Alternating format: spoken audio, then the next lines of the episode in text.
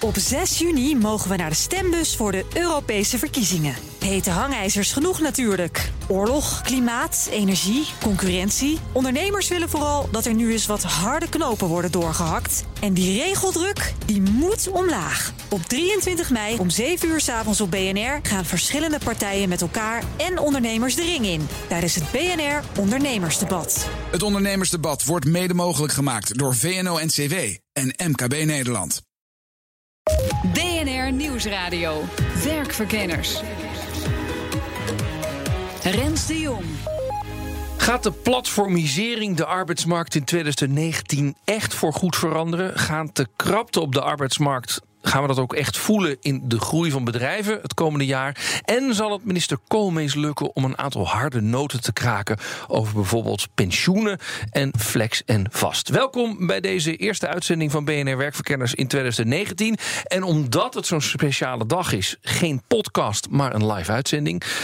Um, ja, en dat heb ik dus drie gasten hier bij mij in de studio staan. Ze hebben de oliebollen nog maar net achter de kiezen. De champagne was wellicht een glaasje te veel als ik zo kijk. Maar gelukkig, hun vingers zitten er allemaal nog aan. En ze zitten hier in de studio, onze experts van vandaag. Hans Biesheuvel, voorzitter van Ondernemend Nederland. Pieter Cotier, hoogleraar macro- en arbeidseconomie aan de VU in Amsterdam. En Renier Kastelein, voorzitter van vakbond De Unie. Heren, van harte welkom. En een uh, gelukkig nieuwjaar wens ik aan jullie allemaal.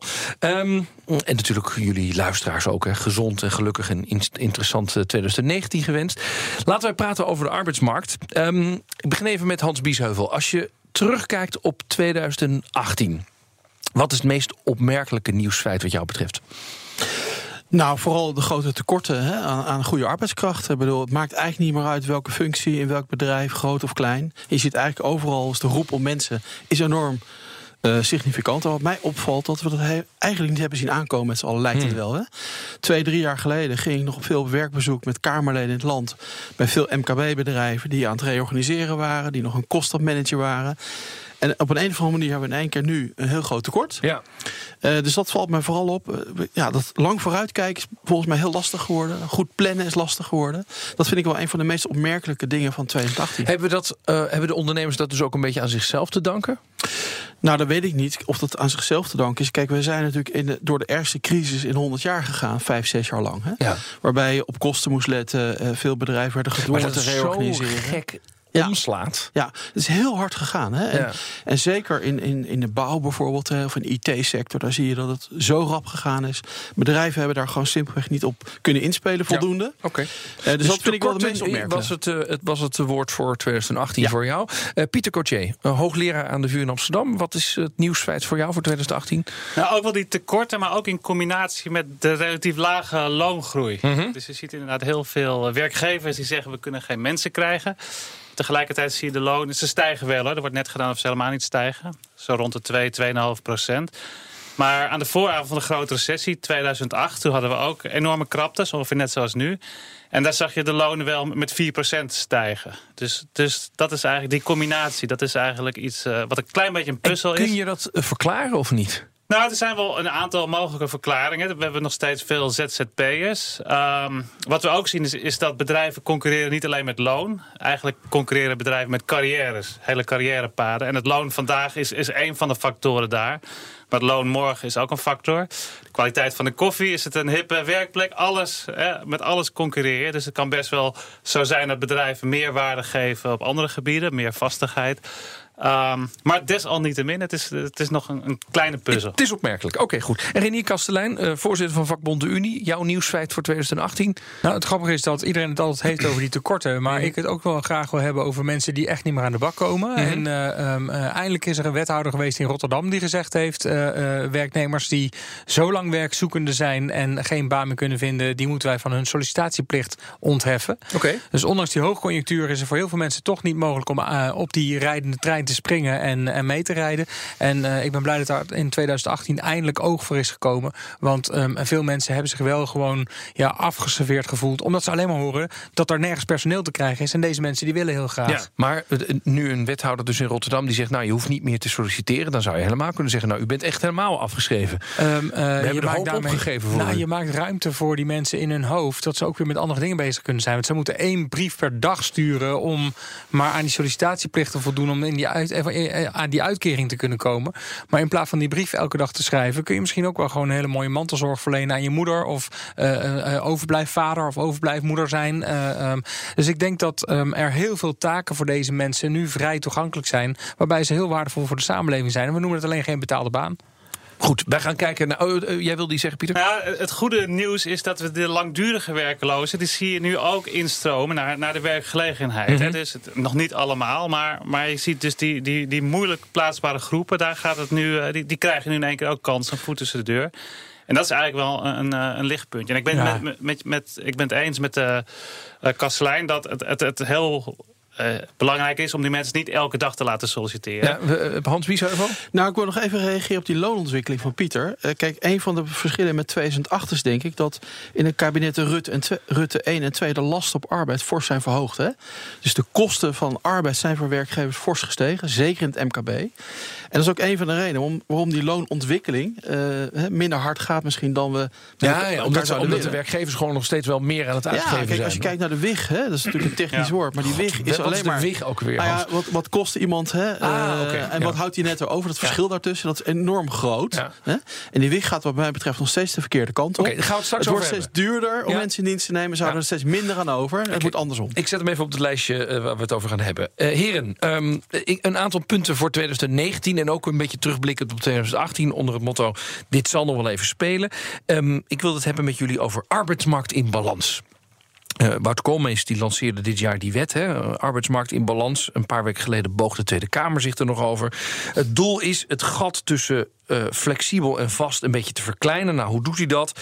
Bepaalde vormen van flexwerk worden duurder gemaakt via de WW-premies. En aan de andere kant, als je als werkgever mensen wil ontslaan, dan kan dat ietsje makkelijker. Want tegenwoordig kun je allerlei redenen voor ontslag bij elkaar optellen. En zeggen, nou, de- de- deze man of vrouw die moet er echt uit, want ik kan er echt niet meer mee werken. En vroeger moest je echt één punt helemaal uitwerken voor eh, de rechter. Ehm, Even naar de hoogleraar toe. Dat lijkt me het meest eh, ehm, eh, goed om dat nu te doen. Gaat met deze wet de arbeidsmarkt meer in balans komen? Ehm, Pieter Cotier. Nou, ik denk dat de richting in elk geval goed is. Ehm, dus in het verleden met Asje was het idee... we gaan eh, flex helemaal ontmoedigen en vast la- laten we een beetje zitten. En het grote probleem was denk ik dat vast te vast was. En nu maken we vast iets minder vast.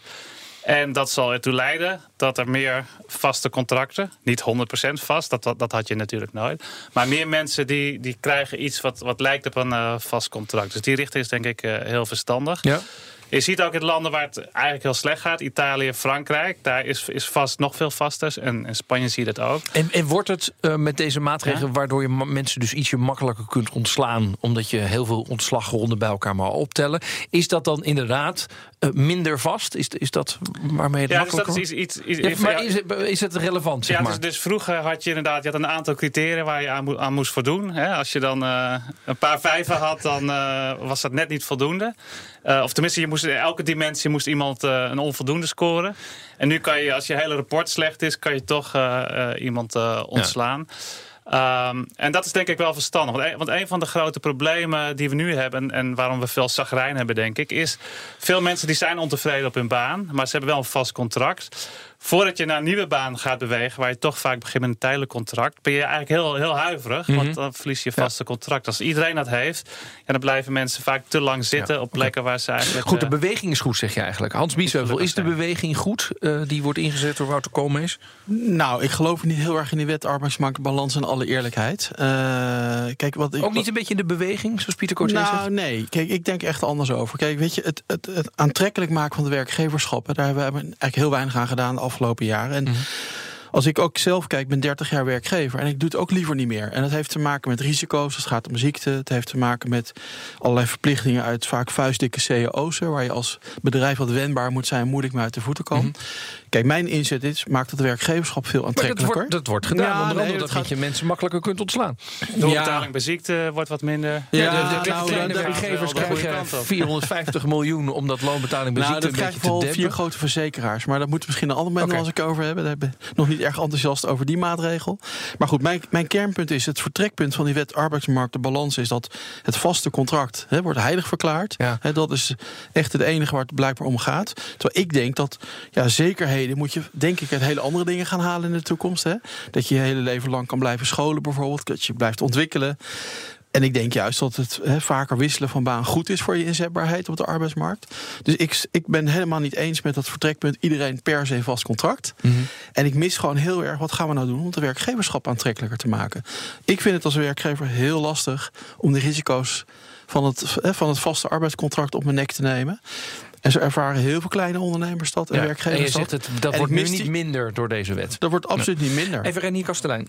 Nou, ehm, eh, eh, ja, over de beweging. Kijk, er is in ieder geval beweging, dat is al heel wat. Hè. Ehm, Oh ja, eh, is, is, is dit ongeveer de lakmoesproef van ja, succes? ja, er is ja. tenminste beweging. de, ehm, eh, ja, dat is ook wel een beetje de teleurstelling van de afgelopen jaren van op één volgende kabinetten natuurlijk. Hè. En ik ben het met Hans Biesheuvel helemaal eens dat, dat als kleine ondernemer je heel veel risico's draagt. En ik vind dat we die kleine ondernemers daarin moeten ontzien. Als je niet klein mag beginnen, dan kun je nooit groot worden. Dus die banenmotor moet de ruimte krijgen om ook een beetje warm te draaien. Maar wat ik wel eh, eh, zie is dat ja, de keuzes rondom flex. Ik denk dat flexibiliteit heel erg belangrijk is voor bedrijven. Ik denk dat flexibiliteit ook heel belangrijk begint te worden voor werknemers die gewoon werk en privé willen combineren en daar wat flexibiliteit in willen vinden. voegt deze wet daar iets aan toe dan? Nee, ik vind dat flex veel duurder zou moeten worden. Als Maar bij dat- wordt toch ook ja, gedaan? maar dus, het moet nog duurder. In de zin van dat je ehm, eh, eh, daarmee ook gewoon die mensen de ruimte geeft om ook een fatsoenlijk pensioen op te bouwen en fatsoenlijke Want arbeidsongeschiktheidsverzekeringen. Volgens mij, ehm, eh, payrolling, op te dat wordt, dat wordt bijna onmogelijk gemaakt. Eh, andere flexwerk eh, Ja, maar die mensen komen allemaal in met een. ZZP-contract. En, en, en dan, Ja. dan zweeft er ergens eh, in de buurt van de Tweede Kamer een brief met een eh, voorstel van eh, 18 euro als eh, minimumuurtarief.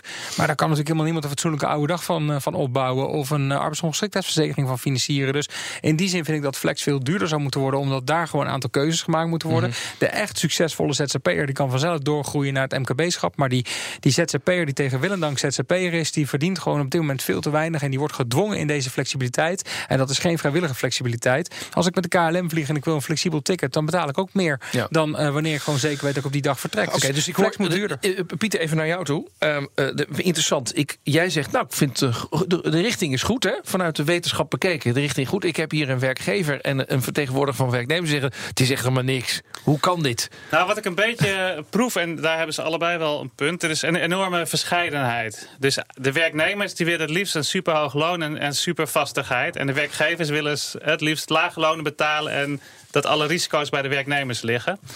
En daarnaast zie je dat er een enorme verscheidenheid is. Dus je hebt veel jonge mensen die zeggen... nou, ga mij maar een hoog loon en ik wil die flex wil ik best wel accepteren. Terwijl veel ouderen of mensen die net een huis hebben gekocht... die hebben veel meer behoefte aan vastigheid. Dus een goed werkende arbeidsmarkt die zorgt ervoor... dat de mensen, de werknemers Ja. die die flex kunnen dragen... dat die ook op de flexbanen terechtkomen. En eh, dat de bedrijven die bijvoorbeeld... eh, misschien bij BNR geldt het... die weten helemaal niet hoeveel mensen ze volgend jaar in dienst kunnen nemen. Dus die, die kunnen geen vastigheid bieden. Ehm, dat die de mogelijkheid hebben om, om, om flex in te huren. Dus je wil eigenlijk geen one-size-fits-all model hebben. Je wilt dat... ehm, Maar dat maakt het dus politiek ook ongelooflijk lastig. Toch? Want, want eh, zoveel bedrijven als we hebben, zoveel eh, smaken we er dan dus ook over hebben. Ja, maar je zou soort, bij, de, bij de loononderhandelingen zou je wel een soort menu kunnen aanbieden. Van eh, bij dit hoge loon, maar eh, dan, dan wel iets meer flexibiliteit. Ja, en die, ja, die combinatie, dat kan best redelijk eenvoudig. Je hoeft niet, niet te veel detail Ja, aan te ja dus als je, als je een hoog loon hebt. Eh, dat betekent ook dat je makkelijker ontslagen moet kunnen Precies, worden. ja. Ja, Dus en als je een laag loon hebt, voor dan, eh, flexibiliteit ja, oké, goed. Ehm, nou, dit, dit soort ideeën komt eh, vaker voor in deze uitzending. Daar gaan we straks verder naar luisteren. Ik zit hier in de uitzending met Hans Biesheuvel. Hij is voorzitter van Ondernemend Nederland. Pieter Cordier, hoogleraar macro- en arbeidseconomie aan de VU in Amsterdam. En Renier Kastelein, voorzitter van vakbond De Unie. Tot zo. BNR Nieuwsradio. BNR Werkverkenners.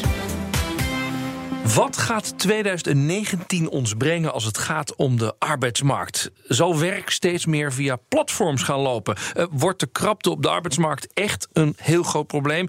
En gaan de lonen nou een keertje stijgen of niet? Eh, je luistert naar BNR Werkverkenners. Eh, de eerste van het jaar. Ehm, en omdat het een zo'n speciale dag is, kijken we in deze niet gemonteerde uitzending, dus alles zit erin, eh, naar de ontwikkelingen voor 2019. Mijn gasten Hans Biesheuvel van Ondernemend Nederland, Pieter Cordier van de VU in Amsterdam en Renier Kastelein. Hij is voorzitter van vakbond De Unie. Heren, ehm, ik wilde het heel even met jullie hebben. Het werd net al gezegd, krapte op de arbeidsmarkt. Ehm, gaat dat Hans Biesheuvel ons echt economische groei kostte. Dat, is nu al het geval. Hè? Er zijn ontzettend veel uh, bedrijven die op dit moment het werk gewoon niet uitgevoerd krijgen wegens het tekort aan personeel. Mm -hmm. Dus het speelt al. Tegelijkertijd zie je dus wel dat het bedrijf ook prikkelt, innovatief maakt om te kijken, ja, kan ik meer outsourcen of automatiseren of digitaliseren. Die trend zie ik ook heel snel. Dat is ook een manier natuurlijk om ja, het tekort aan handjes op te vangen. Uh, en ik denk, denk, eerlijk gezegd dat die trend ook door gaat zetten. Zeker ja. ook in het MKB zie je steeds meer bedrijven andere oplossingen zoeken dan ja, handjes. Uh, dat is op de korte termijn natuurlijk heel verstandig. Uh, ook voor je productiviteit. Uh, of het voor de lange termijn op de arbeidsmarkt goed is, hè, dat is lastig te voorspellen. Ja. Maar die trend zie ik heel snel uh, doorzetten. Renier Kastelein, een van de dingen die Pieter Cotier net hier ook al aangaf... de lonen stijgen eigenlijk niet mee met de krapte die we nu zien. Gaat dat in 2019 veranderen? Nou, ik denk dat er wel uh, ruimte komt voor wat meer loonstijging dan de afgelopen twee jaar. Maar ik heb uh, niet de indruk dat uh, onze collega's van de FNV die 5% roepen en, en dat ook moeten laten zijn, dat gaan binnenhalen. dat blijft altijd ingewikkeld. Um, maar ik denk ook dat um, we als vakbeweging heel goed moeten opletten naar het, als het gaat om het internationale speelveld waar we in zitten. En we moeten onszelf ook niet uit de markt prijzen. Dus ik denk eigenlijk dat het veel meer gaat over lastenverlaging voor burgers dan over um, inkomstenverhoging nou. via de loon. Ik, ik hoor je gewoon een vakbond. Hè? Die, die zegt, ja. we moeten loonmatiging gaan doen. Niet, nou, niet te hard laten stijgen. Die loonmatiging, daar zijn we natuurlijk al decennia lang heel erg goed in. Waar we niet goed in zijn, is het controleren van de uitgavenzekerheid. Dus dat, um, uh, wat je ziet is dat op volgende kabinetten de afgelopen jaren continu allerlei zaken decentraliseren. Vanuit Den Haag naar de gemeentes. Mm -hmm. uh, door liberalisering zijn heel veel uh, organisaties ook gewoon zelfstandig en onafhankelijk geworden. En daarmee ook zelfstandig in het bepalen van hun prijzen. Vroeger had je kijken luistergeld, nu heb je Ziggo. En die knalt elke zes maanden gewoon 2,5 euro bij. Um, ik denk dat we veel meer moeten kijken in een soort van samenhangend geheel. Dat er uitgavenzekerheid komt voor uh, uh, de Nederlandse bevolking. En dat ja. je dus gewoon weet wat je belastingdruk voor de komende jaren je is. Je bedoelt een geleide elkaar... staatseconomie? Nee, geen geleide staatseconomie. helemaal niet verre van. Maar, ik denk wel dat maar we. Hoezo kun je dan zeg maar, zeg maar nou, we gaan bedrijven zeggen: u mag uw prijs niet nee, kijk, ik, ik, noem het voorbeeld van Ziggo omdat het een extreem voorbeeld is van de liberalisering. Vroeger was dat gewoon gecontroleerd onderdeel van je belastinginkomsten. En dus voor je als burger als belastinguitgave kijken luistergeld. En dan kon je dan een debat over voeren. Nu is er geen debat meer. Het is gewoon een monopolie op de kabelmarkt. Ja, ja. En, um, uh, en dat heeft een. Uh, op een volgende kabinet hebben dat niet in de gaten. En als je het dan nog hebt over de decentralisatie van allerlei zaken, zoals uh, um, gezondheidszorg, mantelzorg, de WMO, al die zaken, die leiden tot belastingverhoging op gemeentelijk niveau. Kijk dan nog naar de waterschappen die hun eigen belastingen mogen heffen. Die lopen weer niet gelijk met provinciegrenzen. Dus de provincie heeft er ook weer geen invloed op. Die kunnen ook weer hun eigen belasting heffen. En dat loopt de afgelopen jaren echt de okay. spuigaten uit. Even, even interessant. Pieter Cotier, we, we moeten niet proberen om onze loon omhoog te knallen. Maar we moeten er wel voor zorgen dat het leven voor ik burgers ongeveer niet, hetzelfde allebei. Nee, en, ja, en, maar goed, ja. niet, niet, niet 5% zoals ja. de FNV zegt. Ja, we, we, ik, ja, ik denk dat de vakbond heeft natuurlijk niet zo heel veel controle over wat de overheid besluit over uh, welke belastingen wel of niet uh, omhoog gaan. Uh, nemen de lasten zoveel op, toe? Ja, als je kijkt naar de inflatie, die valt eigenlijk heel erg mee. Hè. Die is nog ja. steeds heel erg laag. De, dus zoveel nemen de lasten ook weer niet toe. Netto hè, gaan we nog steeds een klein beetje op vooruit. Um, dus ja, het, ik, ik denk niet per se dat alle lonen sterk omhoog moeten. Want wat je ziet is de productiviteitsverschillen zijn nog steeds heel erg groot. We hebben een paar super sterke productiviteitsstijgers. Daar gaan de lonen ook heel erg omhoog. En wie zijn dat dan? Nou, bijvoorbeeld een Amsterdam bedrijf als Booking bijvoorbeeld. Mm -hmm. die, maar die nemen niet eens heel veel mensen aan. Maar de mensen die ze aannemen, die, die verdienen heel goed. Veel beter dan de rest. Maar ze verdienen nog veel minder dan hun productiviteit. Zeg maar. Mm-hmm. En heel veel andere bedrijven die groeien nauwelijks. Dus die kunnen nauwelijks hele hoge lonen aanbieden. Dus dat is ook wel een van de verklaringen waarom de, de loongroei uh, achterblijft. Um, even, even een ander punt. Uh, dat was namelijk uh, in 2018 een groot punt. Is namelijk die deelplatformisering. of je nou via Uber werkt, voor Deliveroo werkt, via Helpling werkt. Of al die andere platforms die als een idioot aan het oppoppen zijn. ik las het ING Economisch Bureau becijferde het aantal ZZP'ers in dit soort digitale platformen kan oplopen tot 200.000 tot wel misschien een miljoen. Dat zijn serieuze cijfers. Is dat, toch even Pieter Cotier, is dat een mooi iets of een probleem voor onze verzorgingsstaat? Ja en nee. Economisch uh, antwoord. Nou, er zijn sommige mensen die voor Uber werken. Als ik een Uber neem, dan praat ik altijd met de chauffeur. En ze zijn bijna allemaal wel best wel tevreden. Ja. Dus een groot deel die, doet, die heeft gewoon een, regulier taxibedrijf. Of die werkt bij een regulier bedrijf. En voor een aantal extra ritten, als, als er wat tijd over is, zetten ze hun Uber aan. En dat geldt voor heel veel mensen die in die platformeconomie werken. Er werken bijvoorbeeld studenten bij Deliveroo. Die een paar uurtjes vrij hebben. Die kunnen dat is wel prima werken. Is, dat, is, dat is prima. Dan is er ook een groep mensen die uh, ja, lage opleiding heeft. Uh, weinig uh, kansen misschien op andere banen. Dus die worden eigenlijk gedwongen in dit soort banen. En dat zijn niet mensen die, die een super gelukkig leven hebben per se. Ja. Um, Waar, waar, waar, ik huiverig voor ben, is dat we gaan zeggen: we gaan het verbieden. Dat is vaak de, de eerste reflex. Dat moeten we denk ik niet doen. Um, het probleem is natuurlijk, die ontwikkelingen gaan heel erg snel met die digitalisering. En onze arbeidsmarktinstituties en wetten en regels, die, die lopen altijd erop achter. Maar we moeten wel heel erg goed, goed nadenken hoe we daarmee mee omgaan. Ja, dus eigenlijk zeg je, het is heel handig voor mensen die eigenlijk een, een, bijbaantje willen. Maar het is heel vervelend voor mensen aan de onderkant van de arbeidsmarkt die eigenlijk niet veel verder komen. Want die zitten in plaats van een dag dat ze werk hebben, eh, een week dat ze werk hebben, 20 minuten dat ze werk hebben. En dat biedt heel veel onzekerheid. Het biedt heel veel onzekerheid. Maar als we het gaan verbieden, dan zijn ze misschien nog slechter. Ja, dus dat, dat, is ook iets wat Even René Kastelein, want jij probeert als vakbond Unie denk een maatschappelijke blik te hebben. Gaf je net al getuige van? Ja, dankjewel uh, voor die erkenning. Maar die, die maatschappelijke blik op uh, die platformisering. Ik denk dat het fantastisch is voor de mensen die die flexibilisering zelf ook willen. Hè. Ik denk dat we eigenlijk gewoon met elkaar maar één ding moeten um, vaststellen. Is dat er voldoende verdiend moet kunnen worden per uur dat je werkt. Ja. En dan maakt het maar is dat dan een minimumtarief dat je dan moet instellen? Nou ja, kijk, uh, nogmaals, rondom ZZP werd 18 euro genoemd. Ik denk dat 35 euro per uur minimaal gewoon heel veel reëler is. Als je ook in Wordt de toekomst... wel hele dure pizza's. Um, uh, ja, nou ja, die, die mensen dus die... een half uurtje brengen. Dus, dus, nee, maar de, de, mensen, de mensen die je nu in dienst hebt, die betaal je nu in vaste dienst nu ook al bepaalde uh, tarieven. En ik denk als je uiteindelijk op de lange termijn ook gewoon onze welvaartsstaat en onze welzijnstaat in, in orde wil houden, dan moeten deze mensen ook op hun eigen oude dag een pensioen opgebouwd okay. hebben. Anders kunnen we het als samenleving alsnog gaan betalen. Betaal je dan de prijs? Uh, ja, precies. Uh, Hans Biesheuvel begint al heel moeilijk te kijken. En dat komt niet door de vele oliebollen die hij gisteravond heeft gehad. Door die pizza. nou, nee, maar, kijk, ik, ik bedoel, ik, je hoort wel eens, we moeten de platformeconomie gaan verbieden of zo. Hè? Dat, nou, dat, is dat wordt hier niet gezegd, hè? Nee, nee, nee, wordt, wordt hier alleen zeg, maar gezegd, je zou een minimumprijs moeten Ik zeg dat hier gezegd hoor, maar dat hoor ik wel veel om me heen. En dat is natuurlijk een illusie. Datzelfde toen de stoomtrein kwam, dat men zei, die moeten we gaan verbieden. Nou, dat is ook niet gelukt. Dus het is natuurlijk een economische ontwikkeling die er gewoon is. En die komt niet alleen in Nederland op ons af, maar ook van buiten Nederland op ons af. de vraag is, wat moeten we ermee? Moeten nou we daar moeten heldere borging in geven? Of nou ja, we moeten, we moeten, ik ben, dat ben ik met Renier eens, gewoon hele goede spelregels met elkaar maken. Het is gewoon een economische ontwikkeling. Dat is al 100 jaar, of 200 jaar in Nederland. Maar wordt het ZZP'erschap dan ook hier een beetje misbruikt? Wat jou betreft. Want nou, ZZP'ers uh, hebben geen minimumtarief. Uh, kijk, dus iedereen mag het zelf weten. Ik, ik, ik, doe het zelf wat Pieter doet. 80, 90 procent van de mensen die ik spreek... Hè, of dan iemand bij PostNL is die voor PostNL werkt als ZZP'er... of bij Uber. Over het algemeen zijn de meeste mensen zijn wel tevreden. Het is een relatief kleine groep... Hè, die zich dan min of meer gedwongen ZZP'er voelt. Nou, daar moeten we goed naar kijken. Ja. Naar de onderkant. Daar moeten we veel meer aandacht voor hebben, denk ik, met elkaar.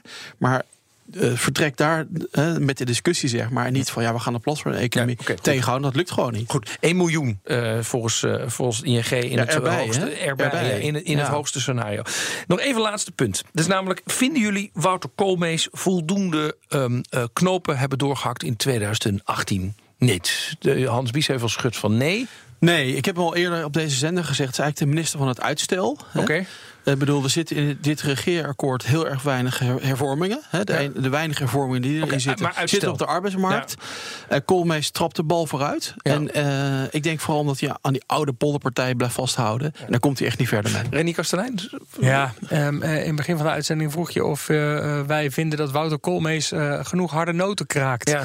Um, ik heb een paar koolmeesjes in de tuin en die hangen aan een vetbol. En uh, daar zit geen harde noot in. En daar hebben ze al moeite genoeg mee. En ik vind deze koolmees wel een beetje dezelfde uitstraling ja. hebben. Ik vind, het, um, uh, ik vind het dramatisch zoals hij het afgelopen jaar natuurlijk gewoon aan tafel is geschoven.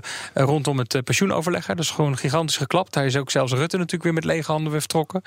Um, maar moet hij het dan niet meer aan de polder overlaten? Want dat, nou, dat zou kunnen. Je kunt ook gewoon zeggen: jongens, als jullie er niet uitkomen, ga ik het gewoon zelf regelen. Je kunt je afvragen of de oude polder zoals we die kennen er nog wel is. De polder bestond uit drie partijen. Je had werkgevers, je had de, de, politiek en je had werknemers. En wat je nu ziet is dat werkgevers en politiek natuurlijk heel erg met elkaar optrekken. En dat is natuurlijk ook terecht de kritiek van Hans Biesheuvel de afgelopen jaren. Je ziet dat die grote werkgevers um, het in dit land gewoon helemaal bekokstoven samen hmm. met het kabinet. Okay, maar... En daarbij is er geen struct, um, constructief polderoverleg. Oké, goed. Pieter Cotier, heeft hij noten kunnen kraken?